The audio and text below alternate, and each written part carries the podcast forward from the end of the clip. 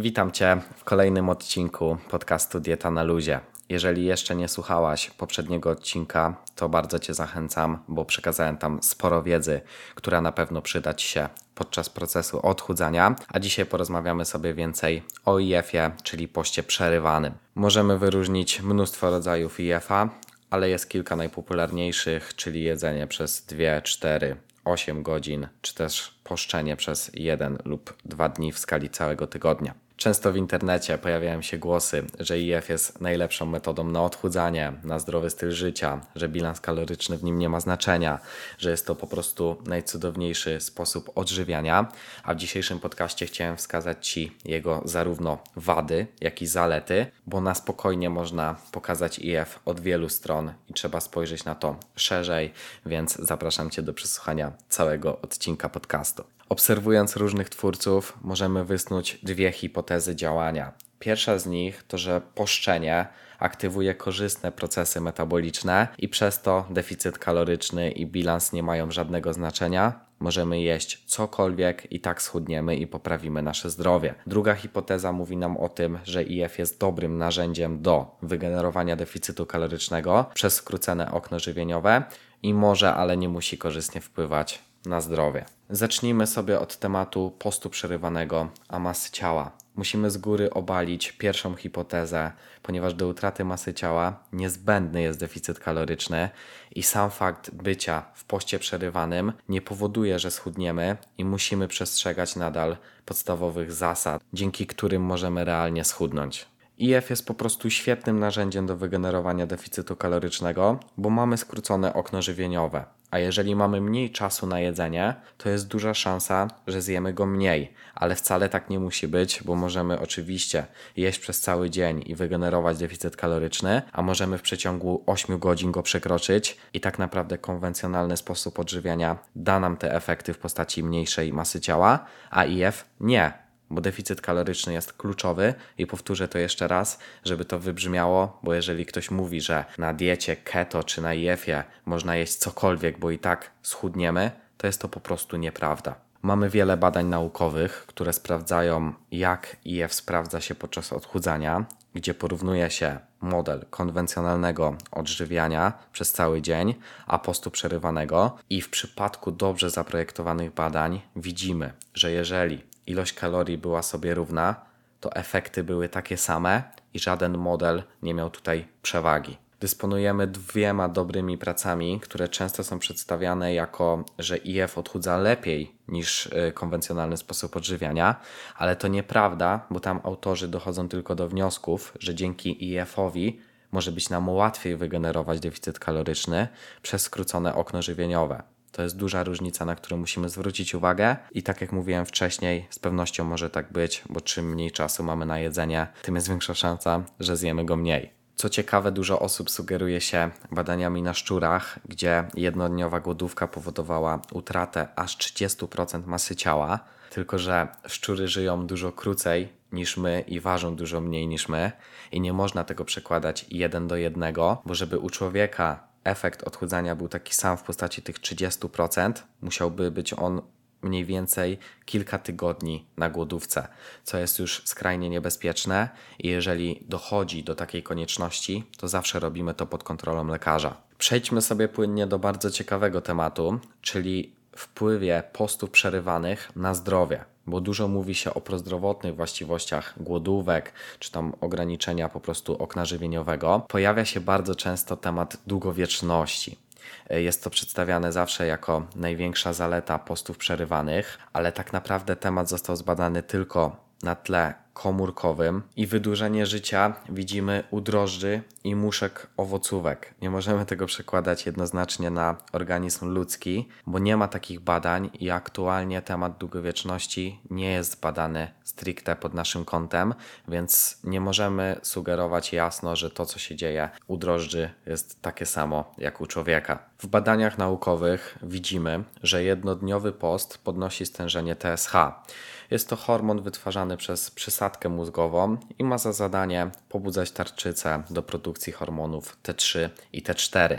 W takim razie warto, jeżeli ktoś choruje na niedoczynność tarczycy lub po prostu ma problemy z tarczycą, ewentualnie konsultować temat postu przerywanego z lekarzem i nie robić tego na własną rękę. Zastosowanie postu przerywanego może poprawiać wrażliwość tkanek na insulinę, więc potencjalnie może okazać się dobrym narzędziem u osób z insulinoopornością. Jednak w przypadku cukrzycy byłbym bardzo ostrożny i na pewno nie robił tego na własną rękę, bo może dochodzić do bardzo dużego obniżenia cukru i nawet omdleń. W badaniach naukowych bardzo często widzimy też, że post przerywany korzystnie wpływa na lipidogram, czyli obniża poziom tak zwanego złego cholesterolu czy też trójglicerydów. I co ciekawe, u osób przeprowadzających ramadan jest to taki post od świtu do zmierzchu. Zauważono, że obniża on ciśnienie skurczowe i rozkurczowe, więc potencjalnie może być on skutecznym narzędziem u osób, które borykają się z nadciśnieniem tętniczym. Chciałbym jednak, żeby to teraz wybrzmiało, Ogólnie, jeżeli stosowałbym post przerywany, to szedłbym w stronę ograniczenia okna żywieniowego do 8 godzin. Jest to myślę takie racjonalne, a nie jestem fanem długotrwałych głodówek i z pewnością nie powinny być one przeprowadzane na własną rękę.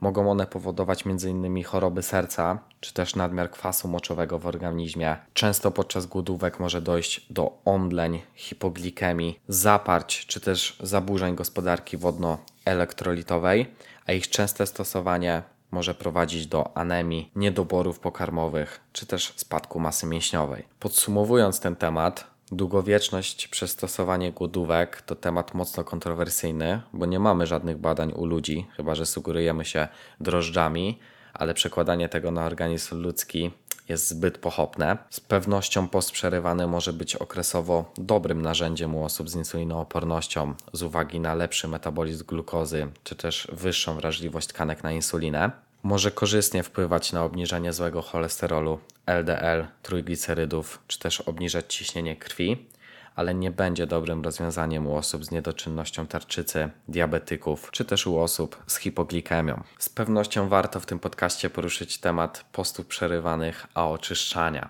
Temat detoksów zawsze jest modny i często stosuje się kilkudniowe czy nawet tygodniowe głodówki w celu oczyszczania organizmu ale dotychczas nie potwierdzono klinicznego wpływu postów i głodówek na detoksykację organizmu. Diety oczyszczające ogólnie nie niosą żadnych korzyści zdrowotnych, a co gorsza, mogą prowadzić do złych relacji z jedzeniem i zwiększają ryzyko niedoborów pokarmowych. Ogólnie od detoksykacji organizmu są nasze organy, takie jak wątroba, płuca, nerki, nawet jelita. One bardzo dobrze radzą sobie z detoksykacją i nasz organizm nie potrzebuje żadnej zewnętrznej pomocy. Jeżeli by tak było, to teraz nie słuchałabyś tego podcastu, tylko leżała w szpitalu podpięta do maszyny, bo twoje życie byłoby zagrożone. Co najgorsze, najczęściej na długotrwałe głodówki decydują się kobiety, u których może dochodzić do zaburzeń miesiączkowania czy też problemów z płodnością. Są one narażone bardziej na anemię, która często pojawia się przy głodówkach i musisz zwrócić na to uwagę, nie dając się złapać na modne rozwiązania czy też wielkie hasła detoks. Wiesz już, jak post przerywany wpływa na masę ciała, czy też zdrowie i oczyszczanie, więc teraz chciałbym powiedzieć więcej odnośnie postu przerywanego, kiedy go warto stosować, a kiedy z pewnością nie. IF z pewnością dobrze sprawdza się podczas końcówki redukcji masy ciała, gdzie mamy stosunkowo małą ilość kilokalorii, a dzięki skróceniu okna żywieniowego jest większa szansa, że nie będziemy chodzić chronicznie głodni i utrzymamy bilans kaloryczny.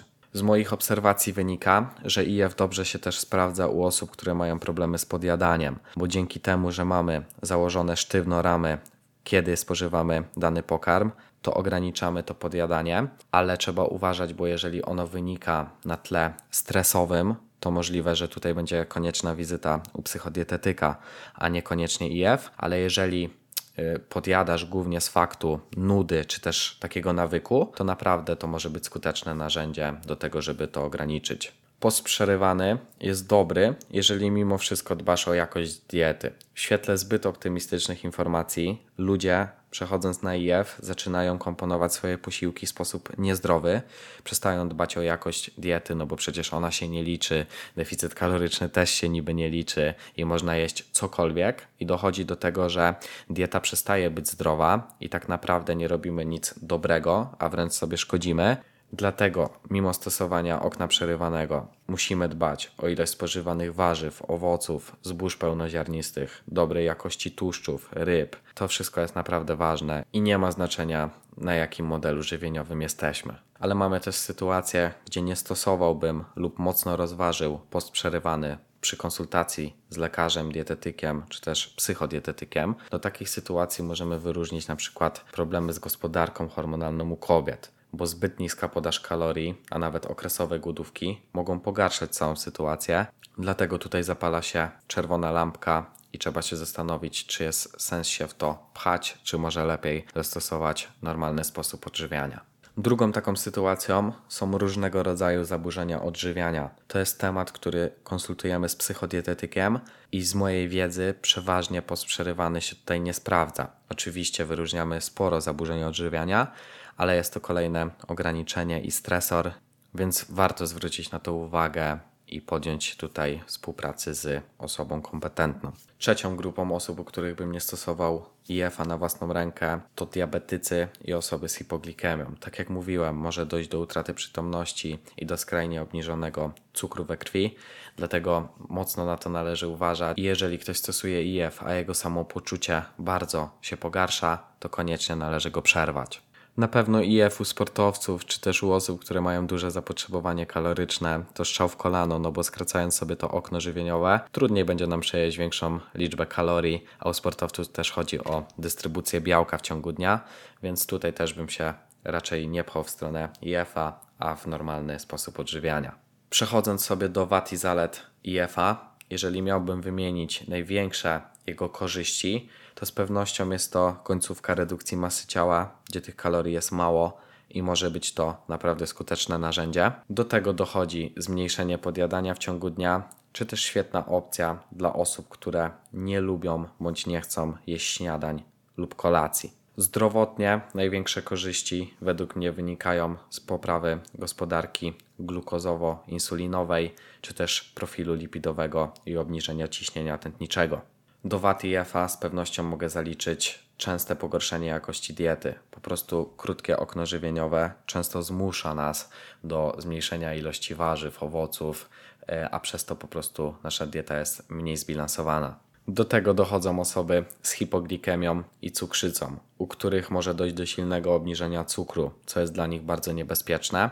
Z pewnością zwróciłbym uwagę na niestosowanie IFA w przypadku zaburzeń hormonalnych u kobiet no i też u takich, które mają już stwierdzony niedobór ferytyny, czy też żelaza lub hemoglobiny, bo ryzyko anemii w takim modelu żywieniowym jest dużo większe. Na koniec podcastu, zanim sobie to podsumujemy, chciałbym zwrócić uwagę na coś bardzo ważnego, co jest często pomijane. Przypisuje się IF-owi dużą przewagę nad konwencjonalnym sposobem odżywiania co jest bardzo nad wyraz, bo sami autorzy takich badań podkreślają, że ciężko rozróżnić, czy te efekty wynikają z samego stosowania postu przerywanego, czy po prostu z deficytu kalorycznego i utraty nadmiernej masy ciała. Ponieważ biorąc sobie badania naukowe, gdzie dochodzi do utraty masy ciała, a nie jest stosowany IF, to również widzimy poprawę postaci insulinowrażliwości, czy też profilu lipidowego i nie wiadomo, czy jest to korelacja, czy naprawdę sam IF ma aż tak duży wpływ na to. Dlatego możemy zadać sobie takie otwarte pytanie, na które aktualnie nie mamy odpowiedzi w nauce. Czy korzystny wpływ IF-a na zdrowie wynika z samego postu przerywanego, czy może deficytu kalorycznego? To pytanie jest kluczowe i często pomijane, i zwróć uwagę, że naprawdę sama redukcja masy ciała poprawia bardzo zdrowie. Oczywiście, jeżeli chodzi o nadmierną masę ciała, żeby ktoś mnie nie zrozumiał źle, że zawsze redukcja masy ciała jest dobra. Więc jak najbardziej ten IF może być skutecznym narzędziem, ale mam wrażenie, że przypisywanie mu wszystkich najlepszych zalet jest troszeczkę nad wyraz i musimy z pewnością poczekać na kolejne badania, które by potwierdzały aż tak szerokie zastosowanie. Podsumowując ten temat, najlepsza dieta to taka, którą przestrzegasz i ci odpowiada. Więc koniecznie pamiętaj o swoich preferencjach i nigdy nie stosuj głodówek kilkudniowych na własną rękę, bo może być to po prostu niebezpieczne. W świetle tego, co się często mówi o postach przerywanych, a tego, co wynika z badań naukowych, ich wpływ na zdrowie jest odrobinę przeceniany i faktycznie on jest w pewnych sferach pozytywny, ale na pewno nie możemy mówić, że posty przerywane wpływają cudownie na długowieczność i na wszystkie choroby świata, ale możemy śmiało powiedzieć, że jest on skutecznym narzędziem u osób z nadwagą czy też otyłością, ale nie jedyną słuszną i działającą strategią na skuteczne odchudzanie. Bardzo Ci dziękuję za przesłuchanie tego podcastu. Mam nadzieję, że informacje, które tutaj przekazałem o poście przerywanym są dla Ciebie przydatne. Pokazałem go od kilku stron, wskazałem jego zalety, wady, potencjalne zastosowanie i też kiedy na pewno warto go nie stosować. Będę bardzo wdzięczny, jeżeli zostawisz 5 gwiazdek na Spotify'u, udostępnisz ten podcast dalej i napiszesz mi wiadomość prywatną, jak Ci się podobał ten temat, czy wszystko jest dla Ciebie zrozumiałe i jakie tematy w podcaście powinienem poruszać. Liczę bardzo na Twój feedback, bo wiele on dla mnie znaczy i słyszymy się za dwa tygodnie.